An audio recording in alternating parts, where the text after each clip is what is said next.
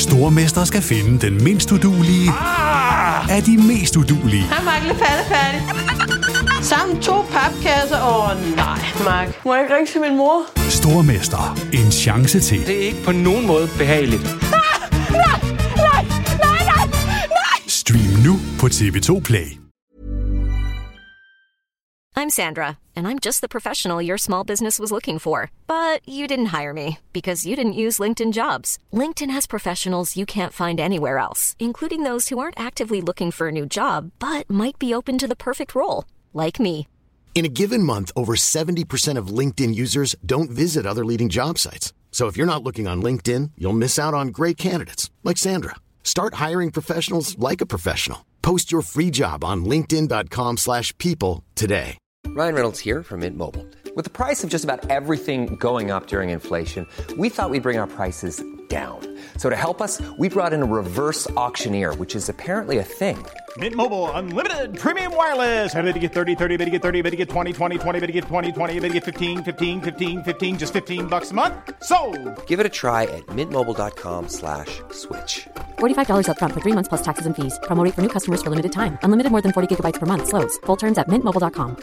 Hi, I'm Daniel, founder of Pretty Litter. Did you know cats tend to hide symptoms of sickness and pain? I learned this the hard way after losing my cat, Gingy. So I created Pretty Litter, a health monitoring litter that helps detect early signs of illness by changing colors, saving you money and potentially your cat's life. Pretty Litter is veterinarian developed, and it's the easiest way to keep tabs on your fur baby's health right at home. Go to prettylitter.com and use code ACAST for 20% off your first order and a free cat toy. Terms and conditions apply. See site for details.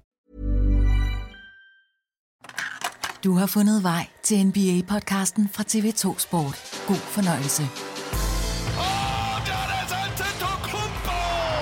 så færdig en aflevering. Oh! Flyby! Kan du svare igen? MVP'en tryller.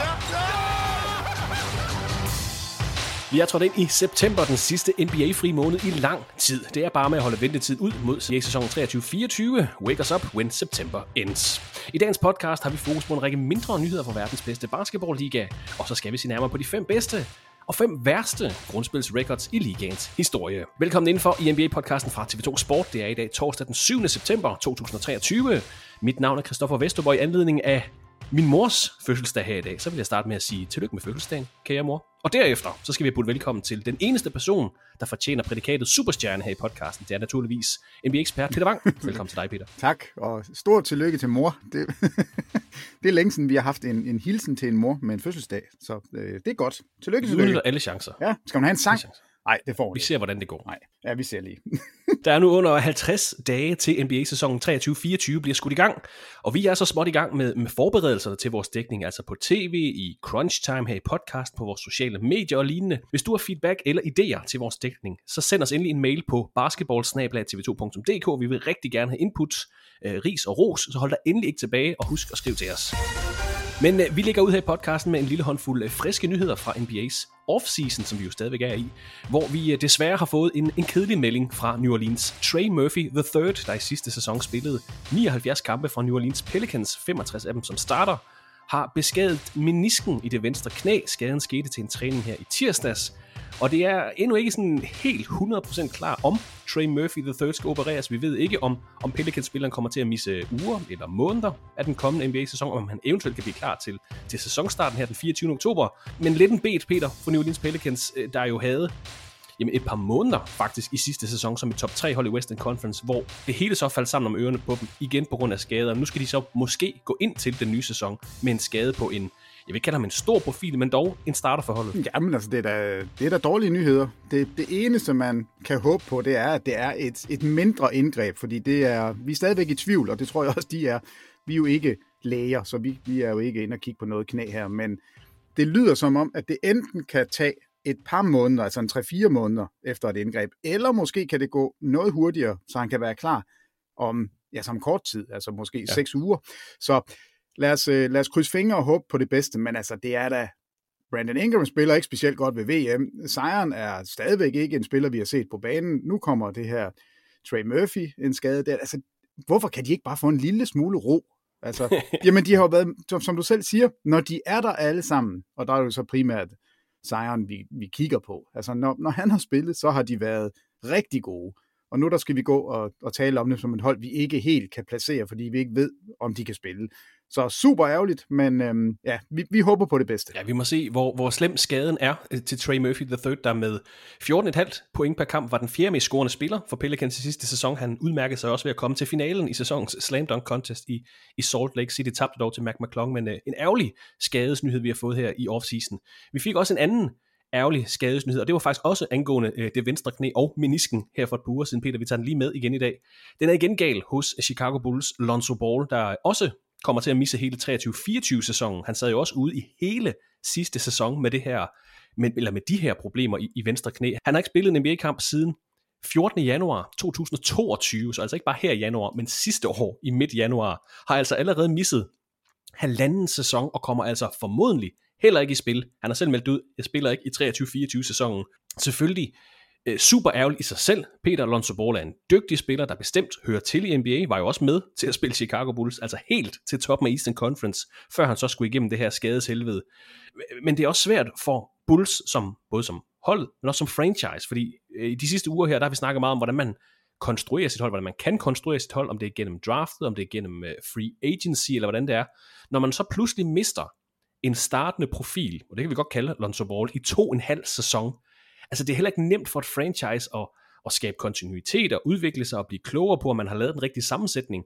Og nu skal man jo så, jamen man skal jo nærmest drive endnu en sæson ud af kalenderen. Og det synes jeg sgu også er ærgerligt. Det er ærgerligt for Lonzo Ball, men det er sgu også ærgerligt for Chicago Bulls og alle fansene. Jamen det er det, og, og det kan godt være, hvis man kigger på de rå statistikker og ser på, på Lonzo Ball, så, så vil man ikke tænke, at det er en sådan dominerende spiller. Det er jo ikke en 25 point score, men han er bare så vigtig for det her Chicago-hold, fordi det er spillere som DeRozan og Lavin og Vucevic, som er, er de store navne, men det her er spilleren, der binder det hele sammen. Det er ham her, der har de hurtige outlet passes, det er ham, der sætter tempo på, det er ham, der får Zach Lavin til at, at lige pludselig flyve afsted. Altså det, det, er, det er den spiller, der har, der har manglet fordi egentlig har de ret meget talent omkring sig, de har bare ikke kunne finde nogen erstatning. De har ikke kunne finde den spiller, som forsvarsmæssigt har kunne dominere, fordi det kan Lonzo Ball, altså han er virkelig god i den ende, og samtidig binde holdet sammen i den anden ende. Så det har været sådan lidt spredt fægtning, og så tror jeg lidt, at Chicago har jo gået og, og håbet på, at nu kommer han tilbage, så nu, vi kan godt vente lidt, fordi han er på vej, og så får vi vores hold.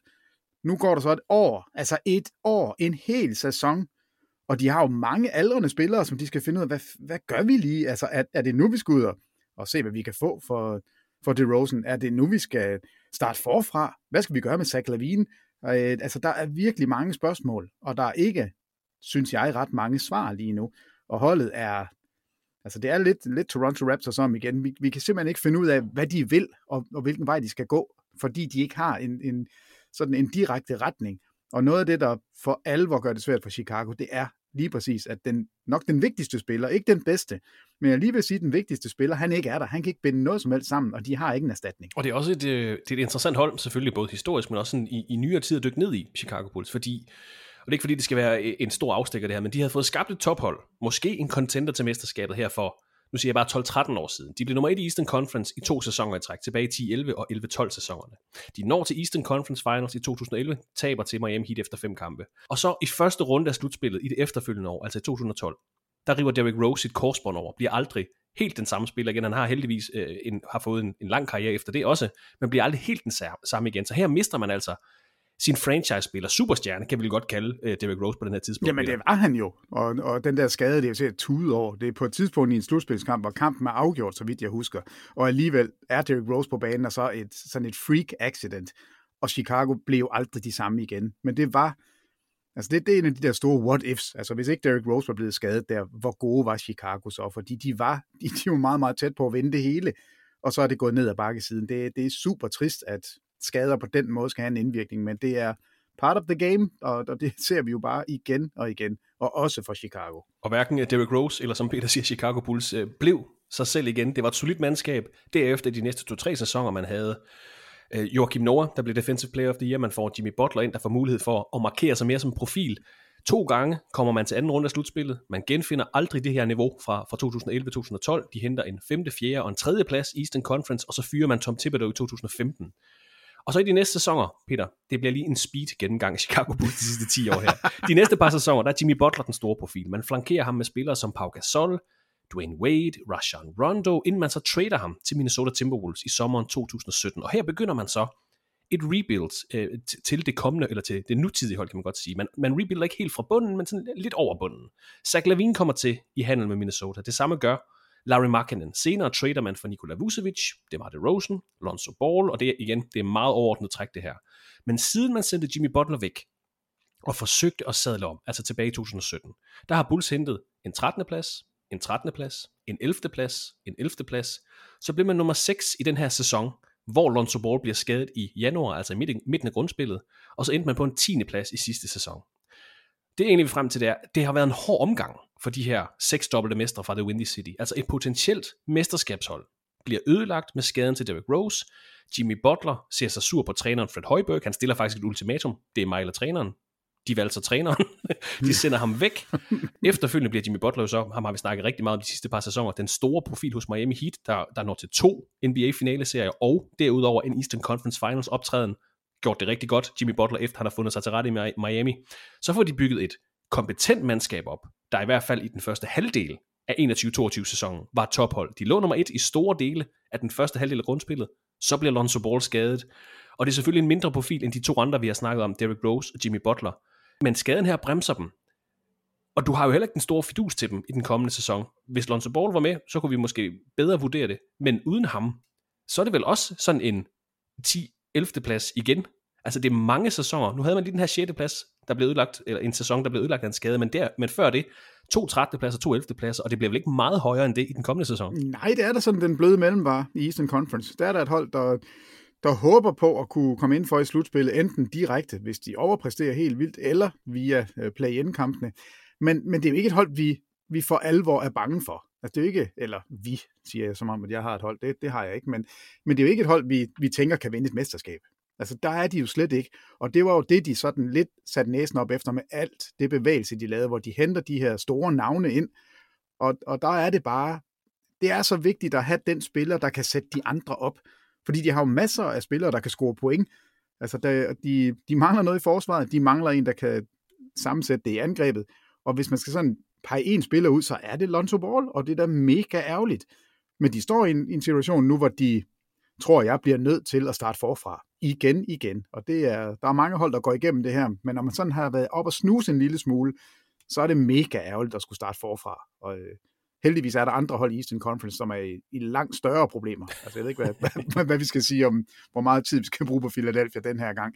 Øh, men altså, nej, jeg tænker ikke Chicago, det bliver et hold, vi, vi sådan skal, vi kigger ikke på dem som et af topholdene. Det, det er jeg ret sikker på. Men det har været en hård omgang siden den her skade til, til Derrick Rose i 2012 øh, ødelagde et potentielt tophold. Så har man haft Jimmy Butler, hvis måske ikke helt, hvad man havde på det tidspunkt. Øh, der gik også noget galt i baglandet med Fred Højberg, og så den seneste skade her. Det er ikke for at grine Chicago, det er mere bare, det er tragikomisk øh, for det her øh, tophold fra 90'erne. Altså, hvis du kunne vælge i dag, hvem ville du så helst have haft? Altså Jimmy Butler eller Fred Højberg?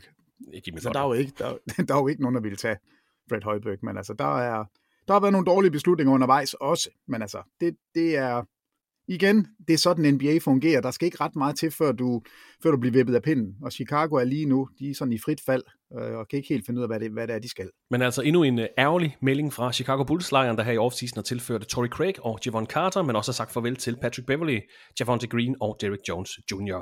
Tilbage til ugens nyheder, hvor vi også har fået et par spillerskifter. Den tredobbelte NBA-mester, det skal vi kalde ham, JaVale McGee, blev waived af Dallas Mavericks i sidste uge. Han har nu skrevet under med Sacramento Kings, hvor han træder ind i en uh, tæt pakket rotation sammen med Domantas Sabonis, uh, Nerlens Noel, Alex Len, Nemas Keta, Trey Lyles, og en anden tredobbelt NBA-mester har også fået jeg vil ikke sige et nyt hold, men han har fået en ny kontrakt. Danny Green har skrevet under på en etårig kontrakt med Philadelphia 76ers, hvor han også spillede fra 2020 til 2022. 36-årig Danny Green spillede tre kampe for Memphis Grizzlies og otte kampe for Cleveland Cavaliers i sidste sæson.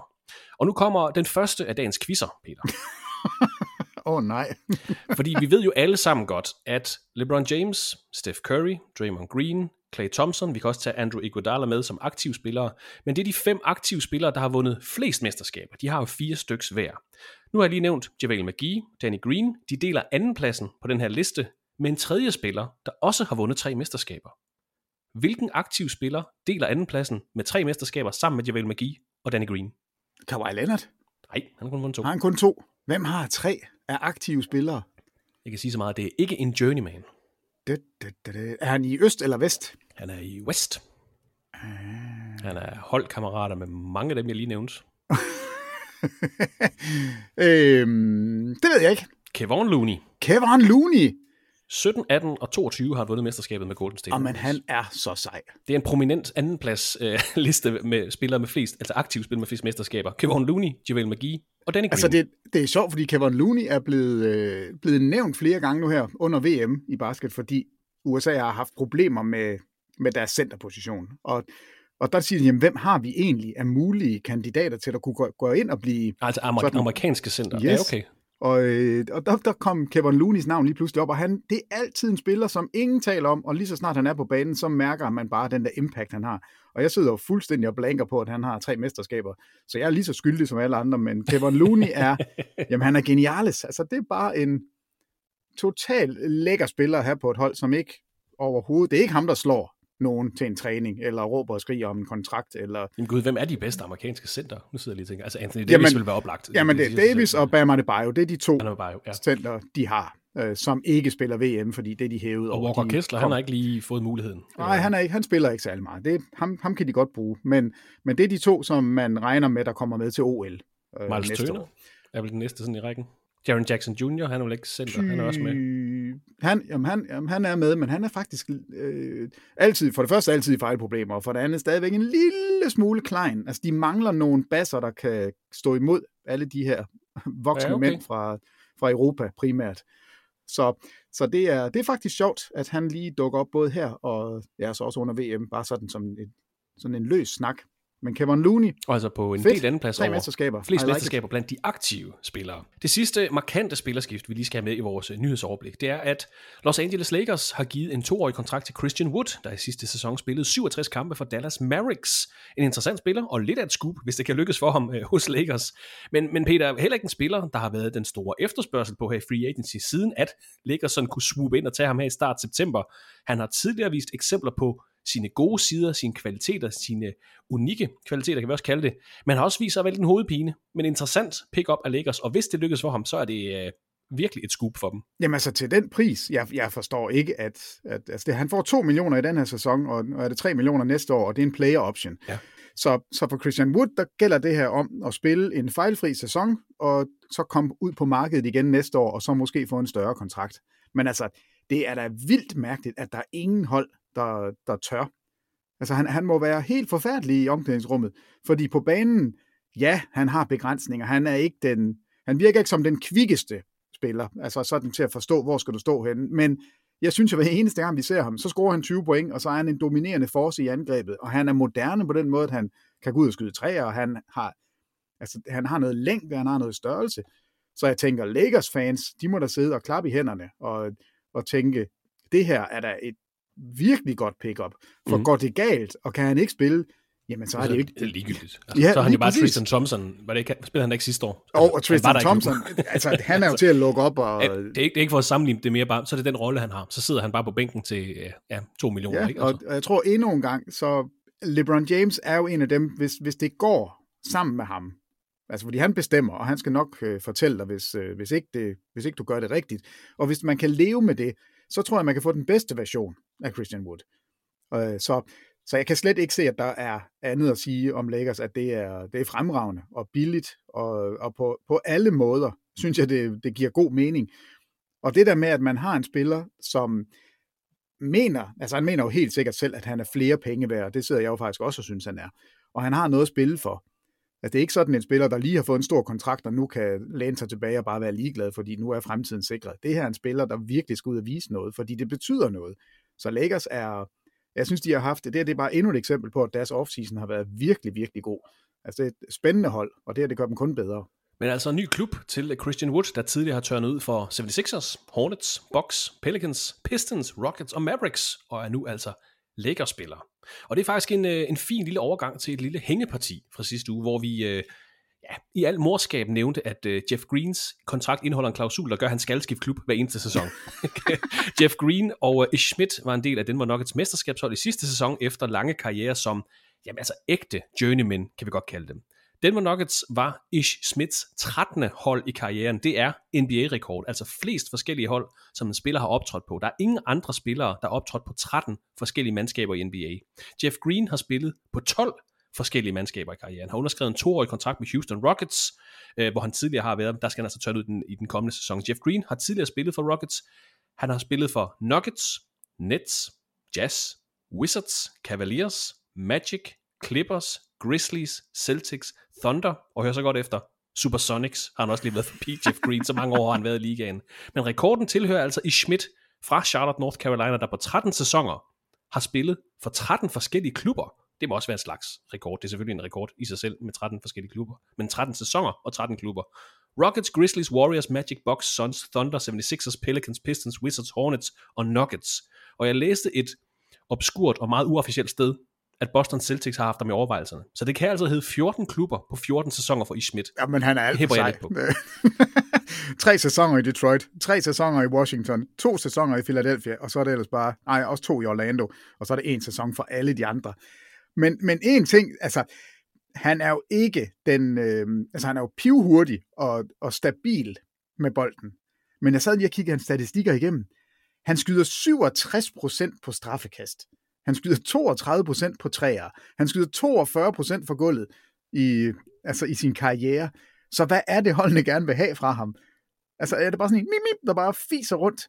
Det, det er vildt, at du kan have en spiller som ham, der stadigvæk er i ligaen, når man ikke rigtig kan pinpointe, hvad er det egentlig, du er mega god til?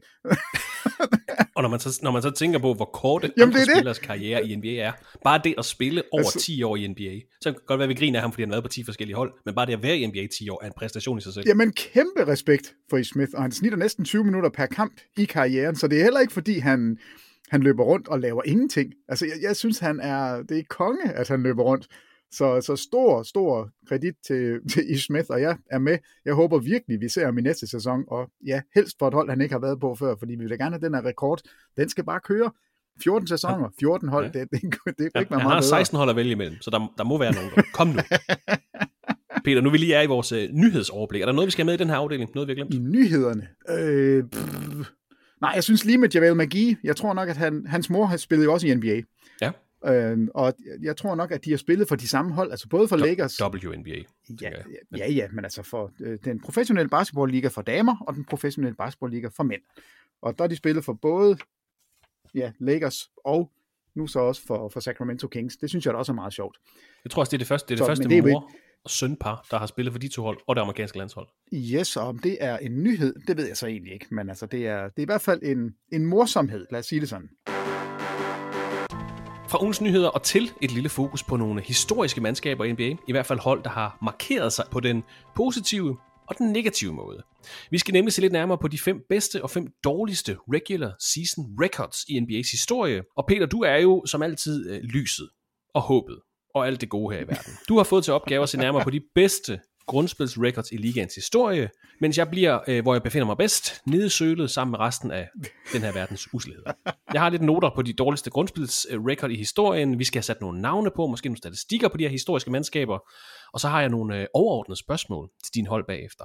Og jeg synes jo som altid, Peter, vi skal prøve at opbygge lidt uh, suspense. Så vil du ikke lægge ud, Peter, dit første hold af de her fem bedste grundspilsrecord i NBA's historie, og start venligst med den nederste plads. Oh, den nederste? Jamen, øhm, så er jeg jo nødt til at, at sige, at du sagde, at vi skulle have fem. Og, og det kan vi ikke. Nej. Fordi der er... Øhm, der er en deler. Der er en deler, og vi er nødt til at... Altså, vi kunne faktisk godt... Øhm, der, der er faktisk fem, men nu, nu siger vi, at der er, der er seks. Fordi der er to hold, som har prøvet at vinde 68 kampe i en NBA-sæson. Øhm, men det ene er faktisk lidt bedre end det andet. Det er Celtics mm, ja. fra 72-73, der går 68 og 14, og så er det Philadelphia 76ers i 66-67 sæsonen, som går 68-13. Og vi to, vi sad jo og kiggede lidt på, hvad, hvad fanden er det egentlig, der sker? Hvorfor er det, man spiller 81 kampe i 66-67 sæsonen, og ikke 82, som vi jo er vant til? Og så var vi jo, vi er jo sådan nogle øh, researcher, kan vi godt sige det? Vi er næsten Ph.D. i, i internet. Øhm, og så var vi inde og kigge på ligaen NBA i 65-66 sæsonen havde ni hold, der spillede man 80 kampe, så udvider man til 10 hold året efter, og så sad vi og tænkte, øh, 10 hold, 81 kampe. Og du er jo et matematisk geni, Christoffer Vestrup. Ja, så siger du, ja. altså 9 kampe mod hvert hold, 9 gange 9, det er 81, det er nok derfor. Og den har vi købt. Vi har ikke overhovedet været inde og se, om det faktisk er sådan, at det er derfor, de gjorde det. Men derfor spiller man 81 kampe, så de vinder altså 68 kampe ud af 81, så de er en my bedre end Celtics var i 72-73. Men hvis vi tager de to hold, vi starter på den, det ældste hold, 66-67 sæson, Philadelphia 76ers, det er ikke bare et hold med her eller fru hvem som helst. Det er det bedste offensive hold, det er det tredje bedste defensive hold, det er Will Chamberlain, det er Billy Cunningham, det er Hal Greer, det er Chet Walker, og de vinder altså i finals mod San Francisco Warriors, mod Rick Barry. Rick Barry, som i øvrigt i finaleserien snitter over 40 point.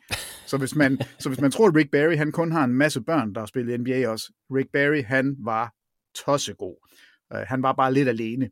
Så der vinder Wilt altså sit første af sine kun to mesterskaber. Og det er sjovt, for han er faktisk med på et af de andre hold, vi kommer ind på senere ja, i dag. Okay. Men, men super godt hold, uh, hvor Will Chamberlain selvfølgelig var var den mest dominerende spiller. Og de går øh, altså 68-13 tilbage i ja. 66-67. 68 sejre. Ja, det er okay. Den, kan vi, den er godkendt.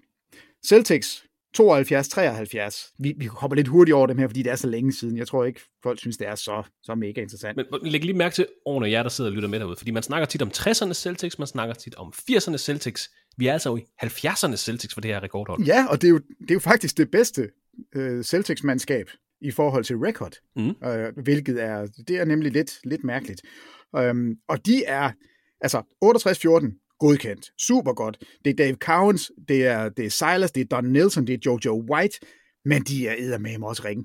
De taber i conference finals til Knicks. De ja, det, er taber det, er det år, hvor Knicks vinder deres. Er det andet mest? De vinder 71 og 73. De vinder 71 og 73, ja. John Havlicek var også på holdet, skal vi Altså, det er, det, er jo, det er jo ring. Det er jo ring at vinde 68 kampe, som det bedste Celtics-hold nogensinde, og så ikke engang komme til finalerne. Men de taber altså 4-3 til Knicks.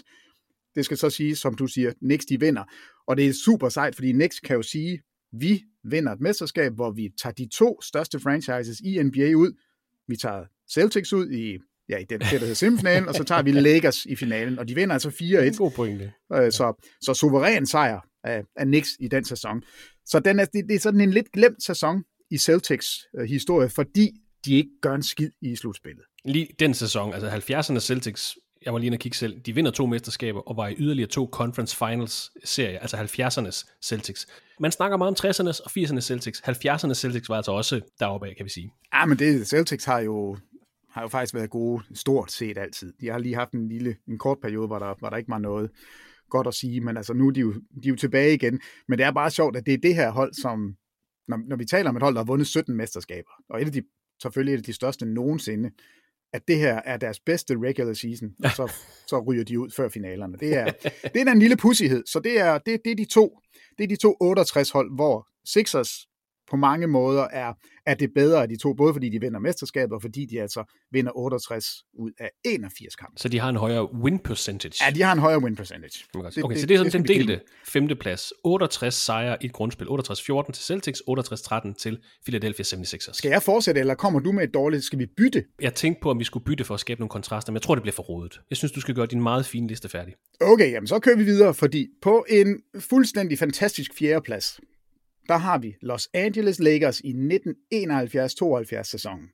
Øh, der er 17 hold i ligaen på det her tidspunkt. Det er det bedste offensive hold, det er det næstbedste defensive hold, så allerede der, der kan vi jo godt se, at det er, det er okay det her. Det, det er virkelig godt.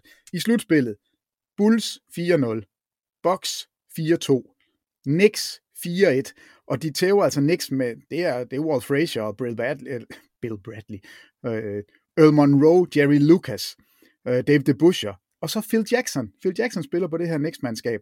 Øhm, og i finalerne, som de jo vinder 4-1, som jeg lige har sagt, der taber de faktisk kamp 1. Altså Knicks vinder den første kamp, øh, og så skal der lige lov for, at, at der bliver gået til den. Men så er en, en sjov lille trivia her, fordi på det hold, de, sådan, de mest markante spillere, det er Will Chamberlain, det er Jerry West, det er Gail Goodrich. Hvem snitter flest point i finalserien? Er de, er de tre? Er de tre? Det gør Jerry West. Ja, det gør han så ikke. Det gør Gail Goodrich 26 point, Jerry West 20 fæsent, ikke? og Wilt 19 point og 23 rebounds. Altså hans rebound-statistikker hold nu op, det er så latterligt. Men det, jeg synes er, øh, det, det er en flot sæson, flot mesterskab, og altså Will Chamberlains andet mesterskab på, på to af de her top 6 hold øh, har mm. han været med. Men det, der er så trist ved hele den her sæson, det er faktisk, at da sæsonen går i gang, der spiller Elgin Baylor på holdet. Åh oh, ja, det er rigtigt. Og Elgin Baylor spiller ni kampe, så er han færdig. Han vinder aldrig et mesterskab. Og det er måske derfor, at Elgin Baylor er, er den der spiller, vi, vi altid glemmer. Fantastisk score og løb bare ind i, altså ligesom alle mulige andre, ind i Celtics hele tiden. Og han var Rookie of the Year 58-59. Øh, vinder altså ikke noget mesterskab. Jeg synes jo på en eller anden måde, øh, få dog hentet ham ind, så han kan stå øh, i slutspillet på en eller anden måde, og, og få lov til at være en del af det her hold. Men det, det lykkedes altså ikke. Han er også oppe i årene, men jeg kunne rigtig godt have tænkt mig, at han havde fået en ring i, i det år, hvor han faktisk spiller kampe for et hold, der vinder. Øhm, og så er jeg at se, at han har rigtig mange nicknames, men jeg vidste ikke, at han var før sin tid, for et af dem, det er TikTok. Nej. Jo, okay. jo, jo, så Elgin Baylor er den original TikTok. Øh, det er, det, så tilbage i slut 60'erne kommer han. Jeg har en idé. Det kræver, at vi alle sammen ja. har sådan en lille elektronisk boks i hånden. Og så kan vi lave nogle små videoer. den, den har de troet på. Det kan jeg love dig. Men, men pladsen på listen, Los Angeles Lakers fra 71-72, 69 sejre, 13 nederlag. I øvrigt også holdet med den længste winstreak i et grundspil. Det her mandskab. 33 kampe vandt de i træk, der i 71-72 sæsonen. Ja, men det er jo også latterligt. Det er jo latterligt at være så gode. Men altså, det, det var de. Øhm, så skal vi til dun, dun, dun, dun, det andet hold, som også har vundet 69 kampe. Og det er det første, første gang, vi skal nævne Chicago Bulls. Jeg kan så sige, at de, de kommer altså igen. Men i 96-97 sæsonen, øh, det er jo selvfølgelig, det, det er det, det store Michael Jordan-hold. Øh, alle de her hold er jo Michael Jordan-hold, men det er det bedste offensive hold, det er det fjerde bedste defensive hold. Robert Parrish er med på holdet. Han er 43 år gammel, altså, øh, og, og vinder her en ring. Øh, de, de vælter igennem slutspillet. 3-0 over Wizards, 4-1 over Hawks, 4-1 over Heat, og så 4-2 over Utah Jazz. Øh, og et af de hold, de spiller imod, det er Wizards der i starten. Og der er endnu en glemt spiller. Rod Strickland er den bedste spiller på det her hold. 20 point i snit, øh, 6 rebounds, 8 assists, og sammen med Dwight Howard og Chris Webber og Georgie Murdesan, øh, der, der er han altså glemt god guard. Men Jordan endnu en gang, i sådan en, en serie, der snitter han jo 37, 6 og 5. Altså, han er jo så latterlig god imod Atlanta Hawks, de Mookie Blaylock, Motumbo, Steve Smith, Christian Leitner dukker lige op på det her hold også, men, men der er ikke noget at snakke om det. Heat får også bare ind over nakken. Men i finaleserien, den første af de her jazz-serier, øh, der spiller de og vinder 4-2 i gennemsnit. Altså det er en ufattelig tæt serie, når man kigger tilbage. Øh, Chicago scorer i snit, og man, man tror det er løgn, men 87,8 point per kamp i den finale serie. Utah snitter 87,2 point. Altså, de battler den her serie. Og jeg ved godt, Stockton og Malone, de, altså, de bliver altid taget frem som de her spillere, nogle af de bedste til aldrig at vinde en ring. Men hvor var de tæt på? Altså, den eneste grund til, at Chicago bliver ved med at vinde, det er, fordi Jordan har det der altså, dræber-gen. Og, øh, han, du stopper ham bare ikke men 87,8 point, og så vinder du alligevel en finale. Det, det, det siger noget om, hvordan man spillede, hvor langsomt det var, hvor tungt det var, hvor, en, hvor lille en del trepointskuddet var i, i spillet dengang. Så, så stort tillykke til Robert Parrish med sit mesterskab der. Har jeg også vundet så, nogen med, med Boston Celtics i 80'erne. Ja, ja, ja. Det, det, det, det skal vi give dem. Men det var, det var 96-97 sæsonen med, med Bulls, hvor de vinder 69 kampe. Så altså en, en del tredjeplads, det skal vi sige, med mellem Los Angeles Lakers i 71-72 sæsonen og Chicago Bulls fra 96-97 sæsonen. Begge hold vandt 69 kampe og tabte blot 13 ja. i grundspil. Og så er det, vi kommer op til øh, de, de tunge drenge, altså 70'er-klubben. Så på en anden plads, 72 sejre i en sæson. Det troede vi aldrig skulle blive slået. Aldrig. Det var Bulls fra 95-96, altså året før det, det hold, vi lige havde fremme nu. Ja. Og det, det er det samme hold, altså det, nu fik jeg ikke lige sagt det, men altså, det er Jordan og Pippen selvfølgelig. Så er det Kukoc, så er det Rodman, så er det Ron Harper, Steve Kerr, den lille skider, ikke? Han er bare altid med, hvor, der, hvor man vinder. Og Luke Longley er der startende center. Øh, og jeg ved ikke, om man kunne forestille sig, hvordan det ville se ud i dag, men Luke Longley er et gigantisk menneske, som aldrig nogensinde har prøvet at skyde øh, udefra. Dennis Rodman, som jo gjorde en dyd ud af at aldrig afslutte. Hvordan i alverden kunne man spille sådan noget clunky angrebsspil med to spillere, som aldrig nogensinde gjorde noget. En god point. Jordan, Jordan Pippen og Kukoc, altså de, de fungerede bare godt sammen, og Ron Harper også overset god spiller. Øh, og så Steve Kerr. De har jo altid en lille hvid fyr, der løber rundt og, og banker træer. Hvis ikke det er John Paxson, så er det Steve Kerr. Øh, så ja, men de 72-10 grundspil, så kommer vi ind til, øh, det er stadigvæk med øh, 2-3-2-formatet. Altså man har ikke lavet det om, finaleserierne. Der spiller man altså to på hjemmebane, så skulle man ud og spille tre på udebane, og så to på hjemmebane. I finalerne, der er det Seattle Supersonics, de, de spiller imod. Også en sådan lidt, øh, en serie, der er en lille smule glemt, med det Sean Kemp, Gary Payton, Detlef Shrimp, Sam Perkins, som, som Jordan jo spillede sammen med i college-rækkerne. Hersey Hawkins, lille guard, som nok er mest kendt for sine dage i, i 76ers. Og så Frank Brikowski, der starter tre af kampene. Det, det, havde jeg altså ikke lige, det kunne jeg ikke lige huske. Men det Chicago-mandskab, vi ser her, er jo et af dem, man kigger på og siger, måske er det det bedste hold nogensinde. Det er den bedste offensiv i, i grundspil, det er den bedste defensiv i grundspil. De vinder 3-0 i første runde over Heat, 4-1 over Knicks, 4-0 over Magic, hvor vi ser Shaq og Penny øh, og øh, hvad hedder han, Horace Grant, hvor de starter ud. Altså, og Knicks, det er Ewing og Starks og Oakley og Mason, altså det er store hold, og de bliver bare viftet til side, som var de ingenting. Og så vinder de i finale til en 4-2. Så, så det her Chicago-hold, altså jeg ved ikke, hvordan vi skal bedømme, hvilket hold, der er bedst all time, øh, fordi vi kan ikke sætte dem op imod hinanden. Men det er 96-holdet fra Bulls vil altid blive taget frem, og de har det bedste grundspil, de vader igennem slutspillet, så på alle måder er det, det var bare sådan en magtdemonstration. Altså Jordan på toppen, rollespillerne perfekte omkring ham. Så, så tosse godt hold, vi har at gøre med her. Men altså kun, kun 72 sejre. 72-10 i NBA-grundspillet. Vi snakker om de her seks hold. Det er de eneste hold i NBA's historie, der har vundet over 68 kampe i grundspil. Nu kommer Peters førsteplads lige om lidt. Men Boston Celtics 72-73, Philadelphia 76ers 66-67 vandt 68 kampe. Los Angeles Lakers i 71-72 og Chicago Bulls i 96-97 vandt 69 kampe. Og så så det her mandskab Chicago Bulls 95-96, 72 sejre. Men vi har en førsteplads, og det er jo her for nylig, kan vi godt sige. Ja, og det, det er øh, helt ærligt, hvis vi havde, hvis vi var gået 10 år tilbage, så havde vi sagt, 72 sejre, det bliver Altså, det bliver aldrig matchet, det bliver aldrig slået, fordi man vil, man vil tænke for meget på, at man, man skal passe på spillerne, og hvis man har første seed hjemme, så går man ikke efter 70 sejre, for selvom det er sådan et mytisk tal, og man kan aldrig nå op og slå det. Og alligevel, så sker det altså tilbage i 2015-16 sæsonen. Altså vanvittigt. 73 sejre og 9 nederlag. Og det er selvfølgelig Golden State Warriors, øh, som, som har den her record i grundspillet er det det bedste offensiv, det er den næstbedste defensiv, så endnu et hold, som, som gør det i begge ender af banen. Øh, og Steph Curry snitter over 30 point i den her sæson, skyder over 45 procent på sine træer. Et vanvittigt hold. Steph Curry, Clay Thompson, Draymond Green, og så Harrison Barnes. Vi glemmer lidt, at han faktisk har været med på Ja, ja. Det, er, det er før mester, Kevin Durant. Det, det, det, det er vigtigt, det, fordi folk de blev øh, skidesure, da han kom til, og det blev også et, et, et, ej, de, et monsterhold, da han kom til. Men det her det er før, det er sæsonen før Kevin Durant kom til. Uh, Iguodala er stadigvæk med og på, altså, på topniveau. Sean Livingston, mm, længe siden vi har talt om, var rigtig god. Leandro Barbosa var med. Og så har vi heldigvis en stor klonker med Andrew Bogart øh, som den store center. Rigtig dejligt. Men det er, den her sæson bliver jo altså den, den har enorm effekt på, hvad der kommer til at ske i NBA sidenhen, fordi de spiller en Western Conference Finals imod Oklahoma City Thunder.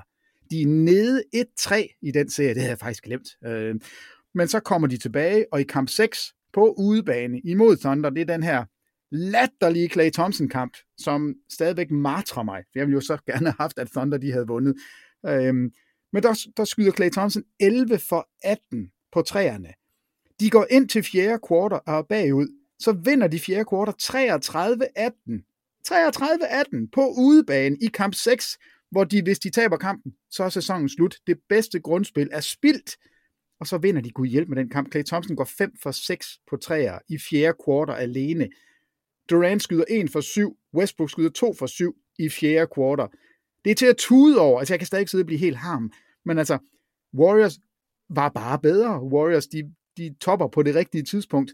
De vinder kamp 6, The Clay Thompson Game. Jeg tror, man vil sige, det er nok den, den bedste kamp, Clay Thompson nogensinde har spillet, og den vigtigste kamp, han har ja. spillet. Jeg vil, ikke, jeg vil ikke sige, de topper der, hvor det er allervigtigst. Nej, men de topper her i den her serie.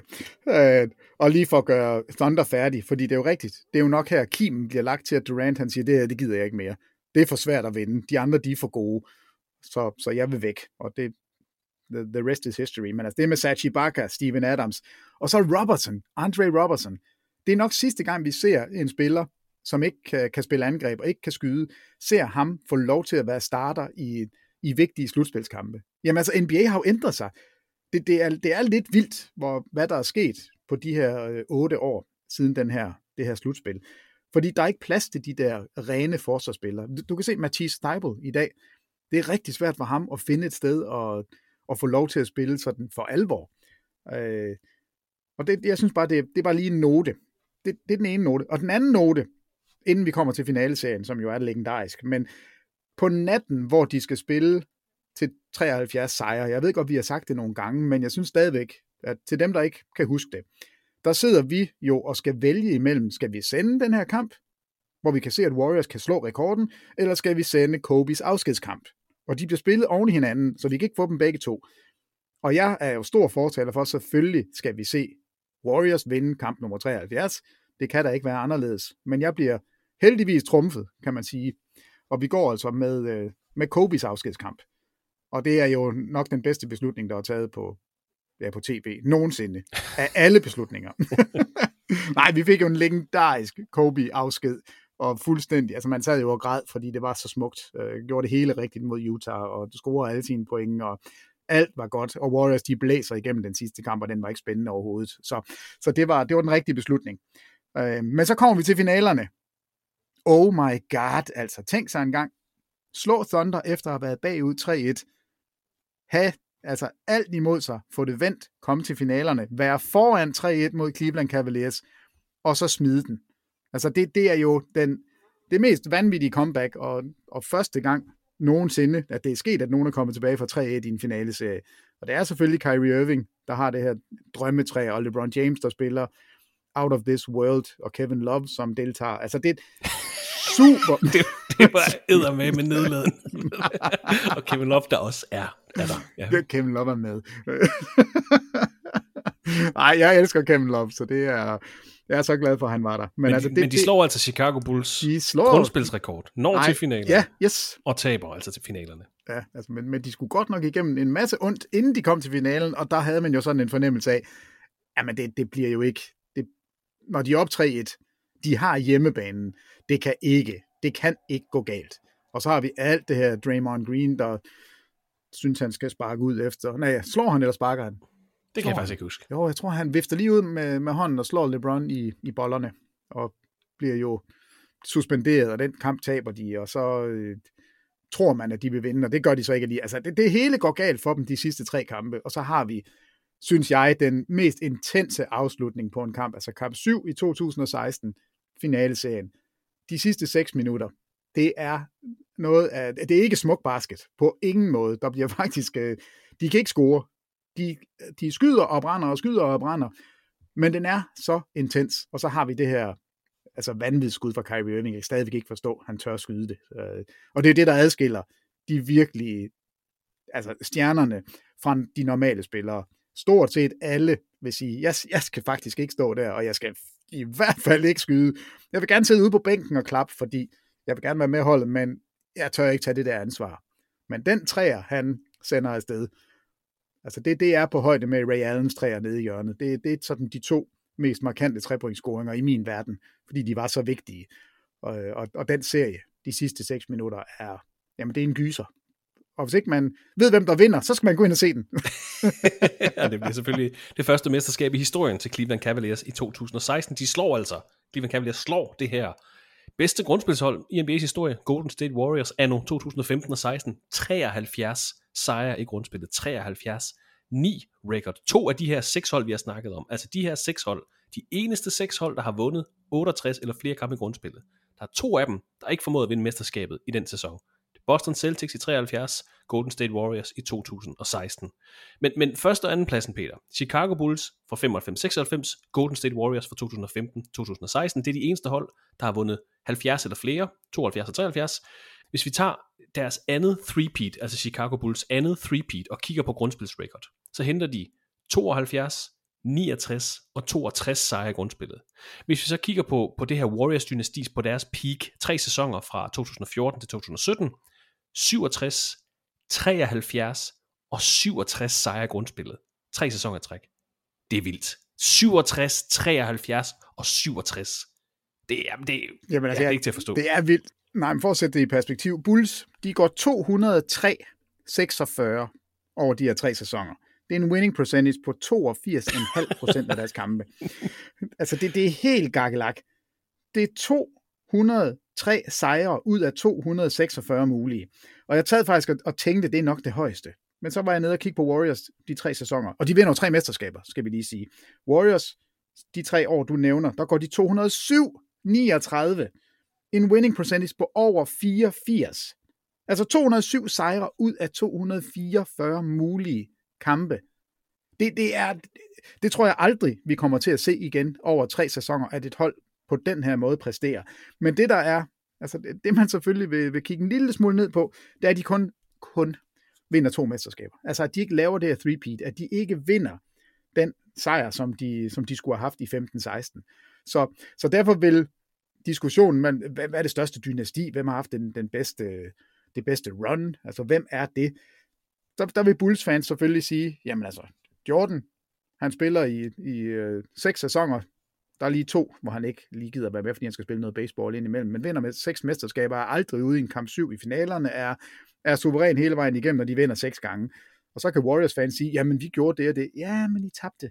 I tabte finalen der i 73. Nej, i, øh, i 15-16. Og det er jo en åndssvag diskussion, men, Fuldstændig, ja. men altså det, det her er tre sæsoner i streg fra to af de største dynastier i min verden i NBA's historie. Og, og tallene taler for sig selv, hvis du vinder over 80% af dine kampe i tre, altså i tre sæsoner i træk.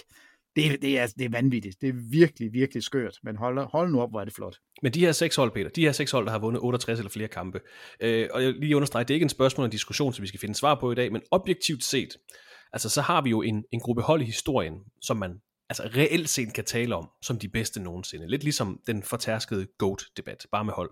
Øh, de her hold, der altså har leveret de bedste grundspil i NBA's historie, er de alle sammen med i, lad os bare kalde det vores pulje af hold, som vi faktisk objektivt set kan snakke om, som de bedste hold nogensinde? Øh, jeg er jeg nødt til at sige. Altså, jeg, jeg synes, det er svært med et, et Philadelphia-hold fra 1967, altså hvor der er 10 hold i ligaen. Jeg synes, det er svært med et Celtics-hold i 73, som ikke vinder mesterskabet. Ja, det er i hvert fald ikke Øh, de Celtics mandskab, eller det er i hvert fald ikke det Celtics mandskab, man vil hive frem, hvis man skal hive et Celtics hold med i diskussionen.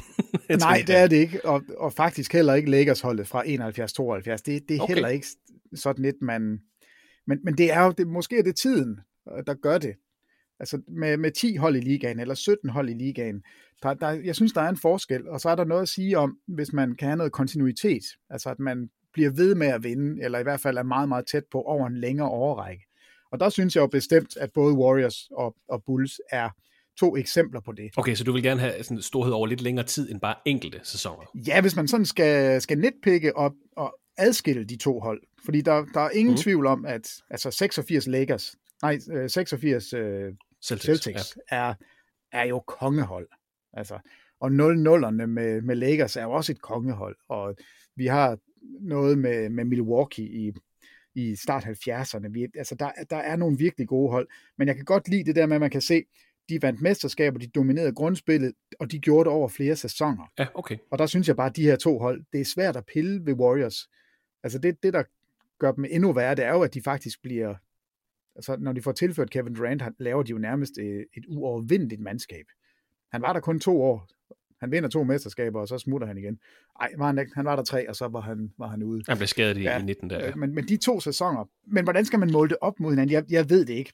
Jamen, vi skal heller ikke svare på det. Det er mere bare, øh, det er jo interessant at se, fordi altså, det der er jo i hvert fald nogle hold, der stikker ud. Jeg synes jo godt, man kan tage start 70'ernes Lakers hold med, fordi de har den her win streak i grundspillet. De vandt mesterskabet, de vandt 69 kampe, der er ikoniske spillere på, men, men, men den femtepladsen, altså Celtics hold fra 72-73, 76ers hold fra 66-67, er ikke hold, man sådan lige tager med, når vi skal snakke om NBA's dynastier, eller de største hold nogensinde. Så vil du sige 60'ernes Celtics, du vil måske sige du kan måske godt hive Philadelphia med i Will Chamberlain årene. Øh, du vil tage Spurs med, du vil tage et, et, et Bad Boy Pistons med måske ikke. Altså, jo, du vil tage lægge, det er dem, der stikker lidt ud. Både Lakers og Celtics fra 80'erne har jo, har jo to ja, ja, hold, som er, og, og Sixers i 83 har jo et af det, ja, det er rigtigt. vanvittigt godt hold.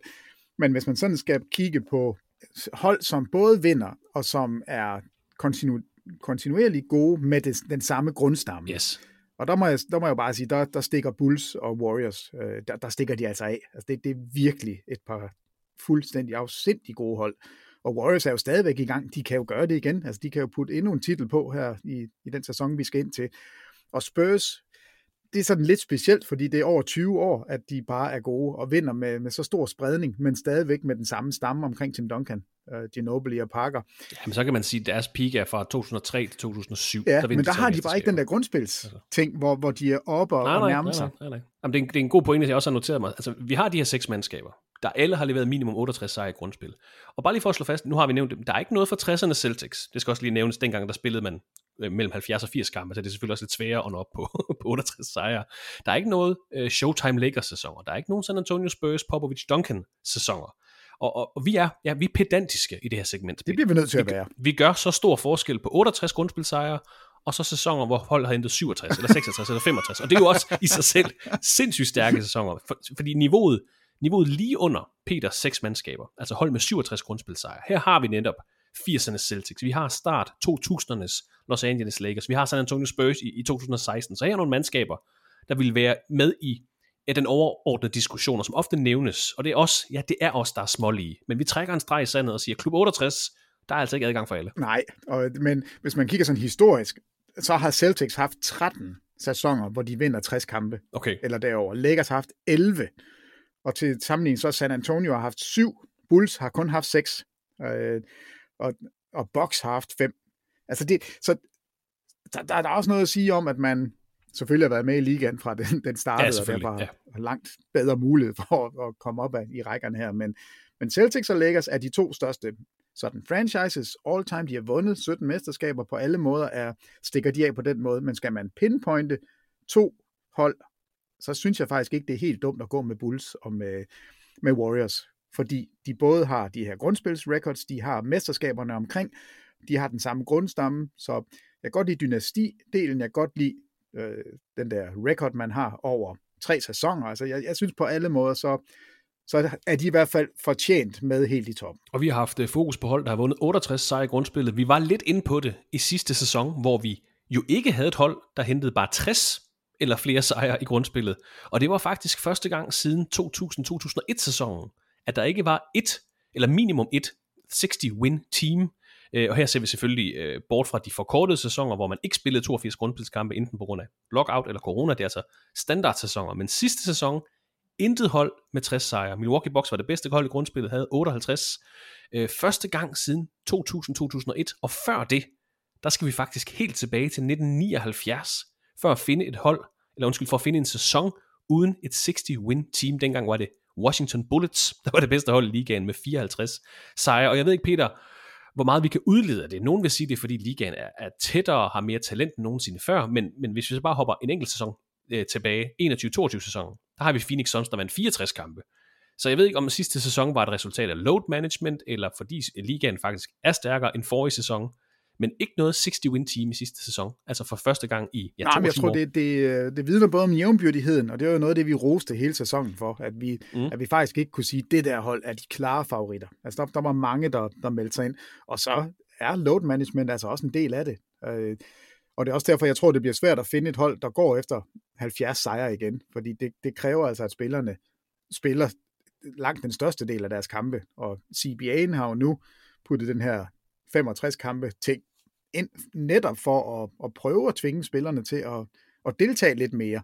Så, så jeg tror, det er en kombination af det hele. Men tak, Peter, for lige at sætte nogle ord på ja, de bedste NBA records uh, nogensinde. Godt arbejde. Jamen tak. Tak skal du have. Det var en dejlig opgave. Nu skal jeg så sørge for at trække os alle sammen ned i sølet igen, fordi nu skal vi se nærmere på de dårligste records i NBA's historie. Og Peter, jeg håber ikke, du har snydt og, og selv læst op på det, fordi jeg har, jeg har også lidt quiz til dig her man kan kigge på de dårligste regular season records på to måder. Vi kan kigge på laveste winning percentage, eller vi kan kigge på flest nederlag indkasseret. Og jeg har lige dobbelttjekket de her, øh, eller undskyld Peter, jeg har dobbelttjekket din liste den er faktisk det samme, om man kigger på antal sejre eller højeste winning percentage. Som du også var inde på, det varierer en lille smule på grund af 76ers øh, på din femte plads kun spillet 81 grundspilskampe, dermed har din højere winning percentage, men ellers så er din liste det samme, om man kigger på antal sejre eller winning percentage. Så du er sikker. Det var godt. Øh, men jeg har været i tvivl, fordi jeg har ikke været i tvivl, fordi det er næsten de samme hold, der er med på de to lister. Jeg synes, det giver mest mening at kigge på værste record, altså færrest sejre, flest nederlag. Så det bliver altså min officielle liste, men bare lige for en god ordens skyld. Så lad os nævne Providence Steamrollers tilbage i 47-48. Her gik de 6-42. De spillede altså kun 48 kampe, en winning percentage på 12,5 procent. Det er altså det fjerde laveste nogensinde. Og så skal vi også nævne holdet med den laveste winning percentage i, en, i et NBA-grundspil nogensinde. Charlotte Bobcats i 11-12 sæsonen, 7-59 gik de. De spillede altså kun 66 kampe på grund af et lockout. En winning percentage på 10,6 procent. Det er altså et hold, som nævnes som det dårligste nogensinde. De var nummer 30 i offensive rating, de var nummer 30 i defensive rating, de var nummer 30 i net rating. Og hvem spillede så for det her hold? Det gjorde Gerald Henderson, DJ Augustin, Corey Maggetti, Boris Diaw, beklager Peter, en uh, ung Jamen, Kemba det var, Walker. Det var, det var Boris siger, der han ikke ville spille. Ja, det er rigtigt. Ja, det, er, ja, det er rigtigt. En ung Kemba Walker og en meget ung Bismarck Biombo. De taber på et tidspunkt 16 kampe i træk, slutter sæsonen med at tabe 23 kampe i træk, det femte længste losing streak i NBA's historie. Altså laveste winning percentage i grundspil nogensinde, Charlotte Bobcats 2011-2012. Det var altså første og fjerde pladsen i forhold til laveste winning percentage nogensinde. Holdene på min officielle liste er naturligvis også alle sammen med i toppen af den her øh, knap så prangende liste. Men nu kigger vi altså på værste record, ud fra færrest sejre, flest nederlag. Worst of the worst. Også kendt som max 12 holdene, eller under 15% mesterne. To hold er endt på en 12-70 record, altså den fjerde dårligste i historien. Vi snakker Los Angeles Clippers i 86-87 og New Jersey Nets i 2009-2010. Og det tager for lang tid at gennemgå de her hold øh, grundigt. Jeg er heller ikke sikker på, at de fortjener det. Men Peter, vi laver lige en quiz. Hvis du kan nævne topscorerne for de her hold i de her sæsoner, så vinder du en øl per rigtig svar. Ej, Los nej, Angeles Clippers i 86-87. Los Angeles Clippers i... Det er øhm, Murray. La, la, la, la, la, la, la, Murray. Ja, det er det ikke. Mike Woodson. Ja, det kunne jeg så... den Mike Woodson. Og, og den næste, den er måske for nem. Men New Jersey Nets i 2009-2010. Jamen, jamen, hvem var topscorer på det hold? Det var... Der var du jo gået i gang med at kommentere NBA i Danmark. Uh, Fjerde dårligste record i historien, altså de her to mandskaber. Clippers i 87, New Jersey Nets i 2010. 12-70 records. jamen, hvem spillede... Hvem spillede det hold? Ej...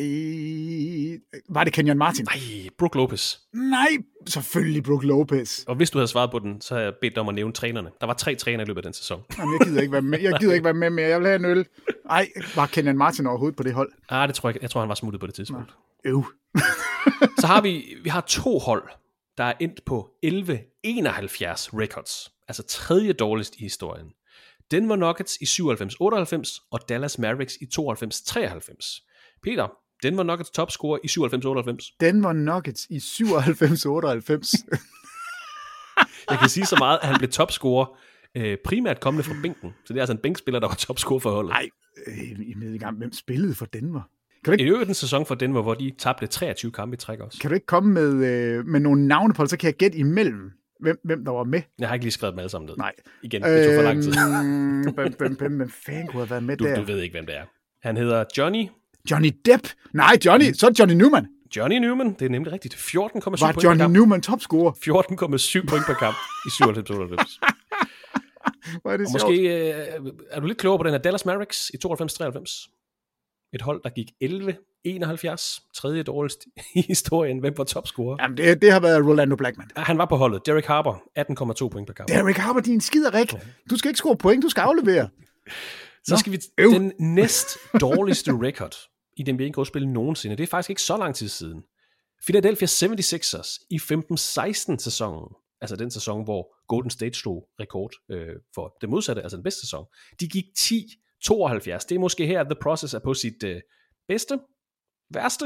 Der bliver i hvert fald ikke leveret ret mange sejre. Topscorer for Philadelphia 76ers i 15-16 sæsonen. Øh, så vil jeg nok...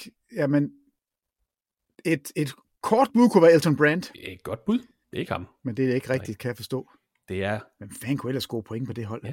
han snittede 17,5 point per kamp, så det er jo egentlig Er det en guard eller en big man? Det er en big man. Det er en big man. Øh... Mens Peter tænker, så kan jeg nævne, at, at på det her øh, legendarisk dårlige 76ers hold, der spillede både Ish Schmidt og Christian Wood. det er ikke nogen af dem, der er Okay, topscorer for det- holdet, men de var der altså. Det er sjovt. Jamen, er, er Okafor, hvor, hvor, hvor godt var han? Det er Jalil Er det det? Okafor. Ja. Var han ikke rookie det år? Mm, jo, det kan vist godt passe. Det er Sytten- faktisk- det er sejt. Jamen, han havde en solid uh, rookie, debut, uh, Ja, rookie jamen, altså, øh, han var jo the, the, last, uh, the last man standing, jeg lige vil sige. Den, den sidste store mand, som, som fik lov til at spille. Det er alligevel sejt i sin rookie-sæson, fordi jeg mener altså, det, det går jeg lige ind og tjekker, om ikke han blev draftet der. Jamen, det tror jeg, det var, for han havde, han havde en mere end solid rookie-sæson statmæssigt. Men, men Peter, den dårligste record i et NBA-grundspil nogensinde, målt ud fra færrest sejre, flest nederlag. Vi skal igen til Philadelphia. Det er Philadelphia 76ers tilbage i 72-73 sæsonen. 9-73. altså 9 sejre i grundspil. De fyrede deres træner Roy Rubin, efter han gik eller efter holdet gik 4-47 til at starte sæsonen. de lagde ud med at tabe deres første 15 kampe. De havde også et losing streak på 20 kampe i løbet af sæsonen. Men hvem var deres topscorer, Peter? Øh. Philadelphia 76ers i 72-73. Øhm, ja, Han snittede 20 point per kamp, så det var ikke... øh, de der Van Arsdales, var, der, var, Der er en, en, Tom Van Arsdale var på holdet, det er ikke men ham. det er ikke ham. Hvem fanden kan jeg ellers tænke, der måske har spillet på det hold? Øh, Jeg er meget overrasket, hvis du kan gætte det her. Eller hvis du ved det, selvfølgelig. nej, det ved jeg. Det er, ej, der, der vil jeg sige, at jeg, jeg vil næsten give mig selv en præmie, hvis jeg har gættet én spiller rigtigt på det hold. Og det har jeg. Ja, det, jeg gætter en Arsdale. Jeg kan ikke, jeg kan ikke andre. Han gættede Arsdale, ja. Det dårligste grundspil nogensinde. Philadelphia 76ers, 72-73 sæsonen. De gik 9-73, og deres topscorer var Fred Mad Dog Carter. Ej, nu går jeg så lige ind for at se holdet. Nu, nu er det jo ikke snyd, fordi nu er vi færdige med den. Nu går, trykker Det var, det, det, var, det var altså de seks Ja. mandskaber med de Okay. dårligste records i sæsoner med 82 kampe spillet. Det skal vi nævne. Det er kun i sæsoner, hvor der spillet 82 kampe. Alle med max 12 sejre, og alle under 15% i winning percentage. Philadelphia har altså både første og anden pladsen. Nej, hvor er det ring. Ja. Ved du, jeg, jeg kan se her, der var 19 spillere på det hold. Nu løber jeg navnene igennem lynhurtigt, så vi, hvor mange vi kender. Bill, Bill Bridges. Nej. Nej. Fred Carter. ja, det er topscoren med 20 point per kamp. Matt Ja, tak. Carter. Uh, Leroy Ellis. Uh, Tom Van Arsdale. Ja. Ham kender vi, ja. John Block. Nej. Nej. Manny Leaks. Nej. Nej. Kevin Lockery. Ja. Freddie Boyd. Nej. Don May. Nej. Hal Greer. Ja. ja. John Trapp. Nej. Jeff Halliburton. Der er vi nødt til lige at tjekke. Er det en Nej, det Halliburton? han, han er, nej, jeg var inde og tjekke ham. Han er faktisk fætter til Julius Irving, men han er ikke relateret til Tyrese. Han er ikke- Jeg har været inde og tjekke. Nå. Dale, Dale, Dale Schluter. Nå, jeg slutter. Ja, ja. Mike Price. Ja. Altså ikke Nå, Mark, nej, men Mike. jeg- Dave Sorensen. Nej. Dennis Avtrey. Nej. Mel Counts. Nej. Luther Green. Nej. Bob Rule. Nej. det er det mest ukendte hold. Det er det mest random hold nogensinde. 9-73. Dårligste record. Mål ud for Dårligste hold. sejre og, og nederlag.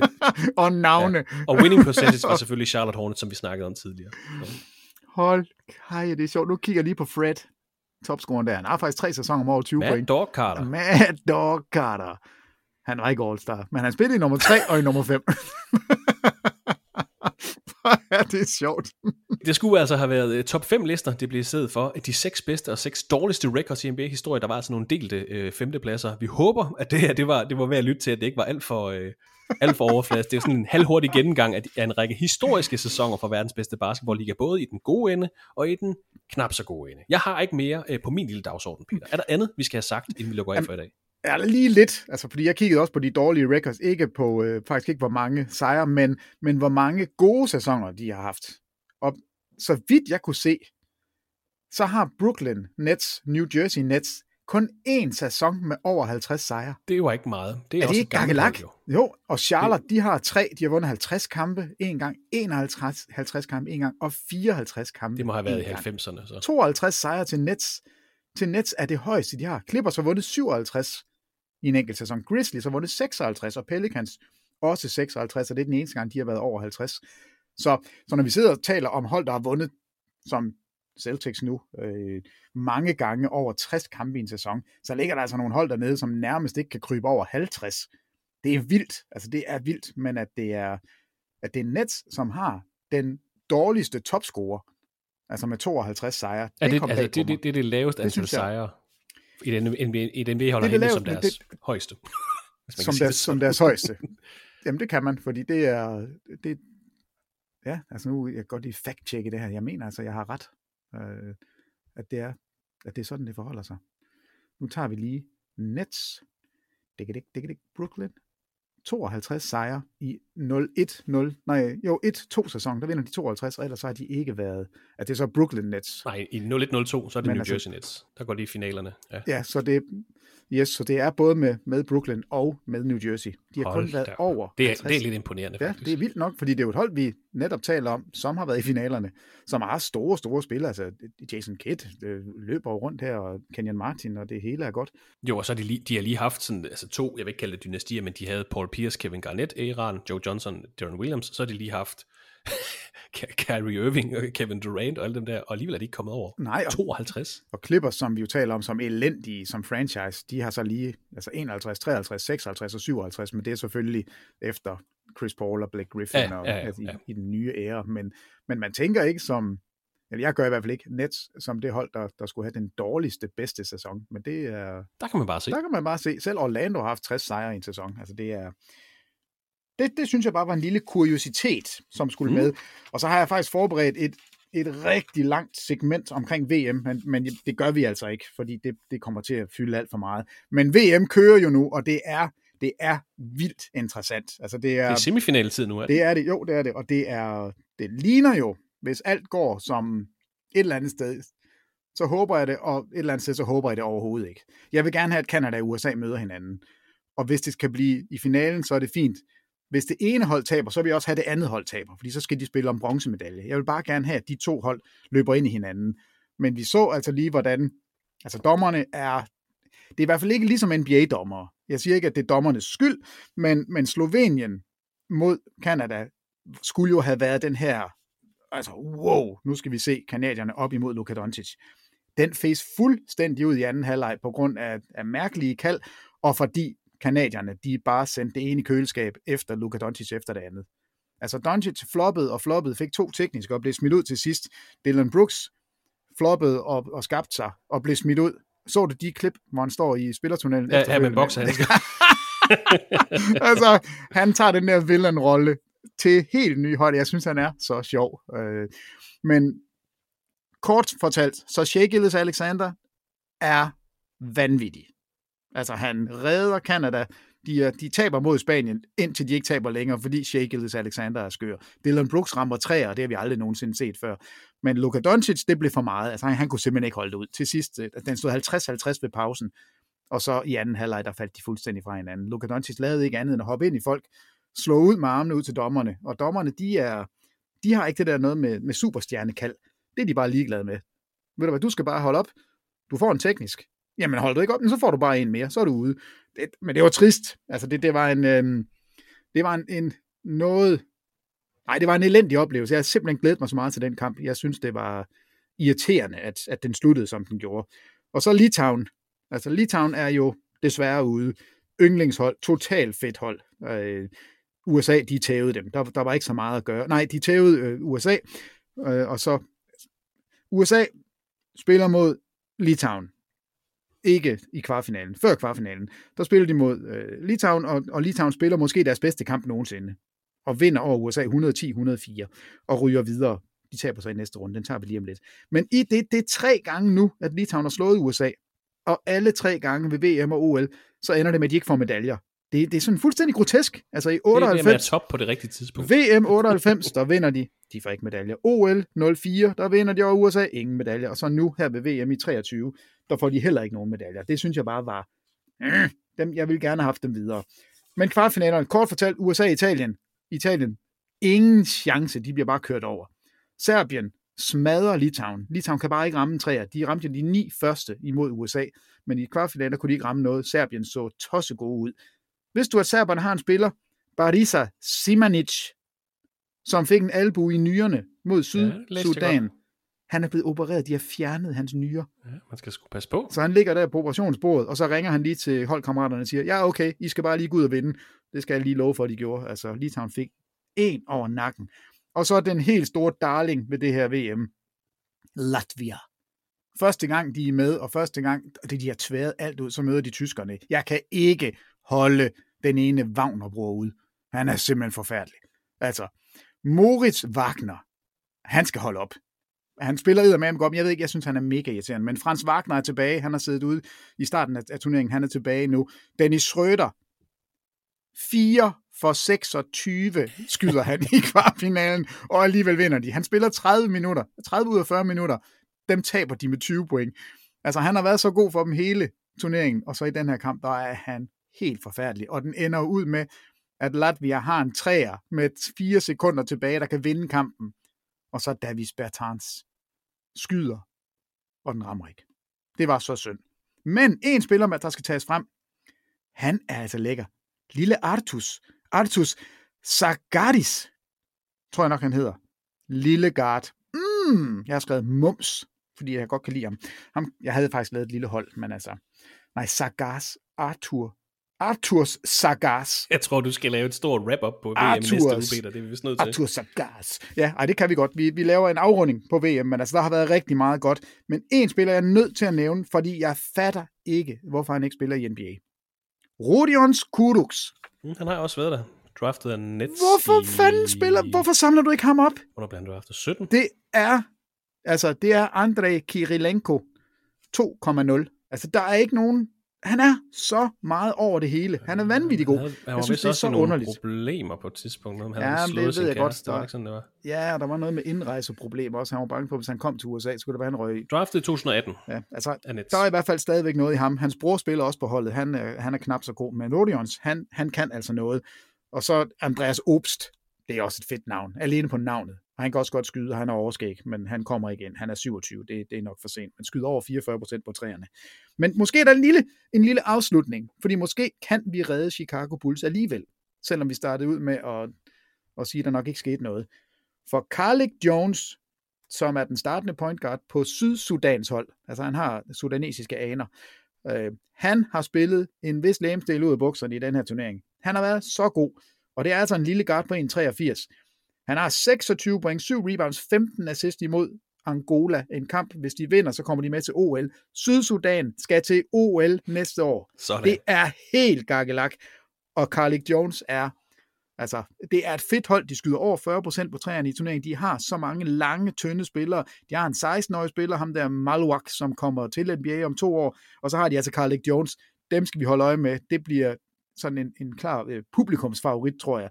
Det er sydsudanesiske hold, som Altså, Lual Deng har finansieret det her hold. Ah, Jamen, jeg kunne tale til Chicago. Jeg sad og ventede lidt på det. Nej, det er fordi Carly Jones spiller for Chicago. Nå, Carly for Jones, ja, ja, ja, Nå, han nå, er nå, nå. i Chicago. Så han spillede sidste år. Ikke ret meget, men øh, det kan være, at han kommer nu her. Men der kan godt kigges lidt på, på det her hold og sammenligne det med, med Litauens hold fra OL i 92. Dream Team, hele historien med dem. Lidt den samme historie er der faktisk over det her øh, sydsudanske hold, hvor det bare er Lual Deng og ikke Grateful Dead. Men det er en teaser, det kan vi snakke om på et andet tidspunkt. Det blev ordene for uh, denne uges NBA-podcast. Tak til dig, Peter, for din tid i Nord. Jeg skylder dig en øl, fordi du kunne huske Jalil Okafor tilbage i 2016, så den, den er du til gode. Ja tak, så vandt jeg da en øl. Ja, dejligt. Peter Wang og undertegnet er tilbage i næste uge med mere NBA-snak. Ha' en fortsat god uge, og på genhør i det næste afsnit af NBA-podcasten fra TV2 Sport.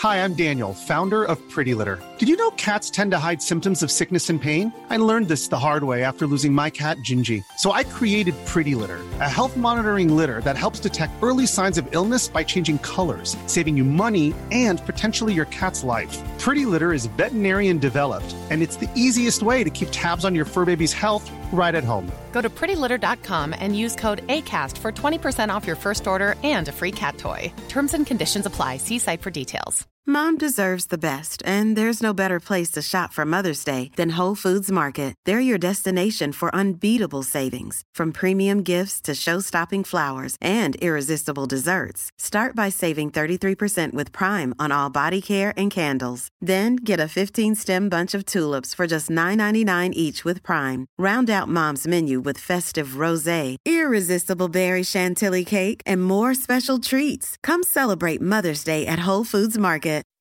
When you make decisions for your company, you look for the no-brainers. If you have a lot of mailing to do, stamps.com is the ultimate no-brainer. Use the stamps.com mobile app to mail everything you need to keep your business running with up to 89% off USPS and UPS. Make the same no-brainer decision as over 1 million other businesses with stamps.com. Use code PROGRAM for a special offer. That's stamps.com, code PROGRAM.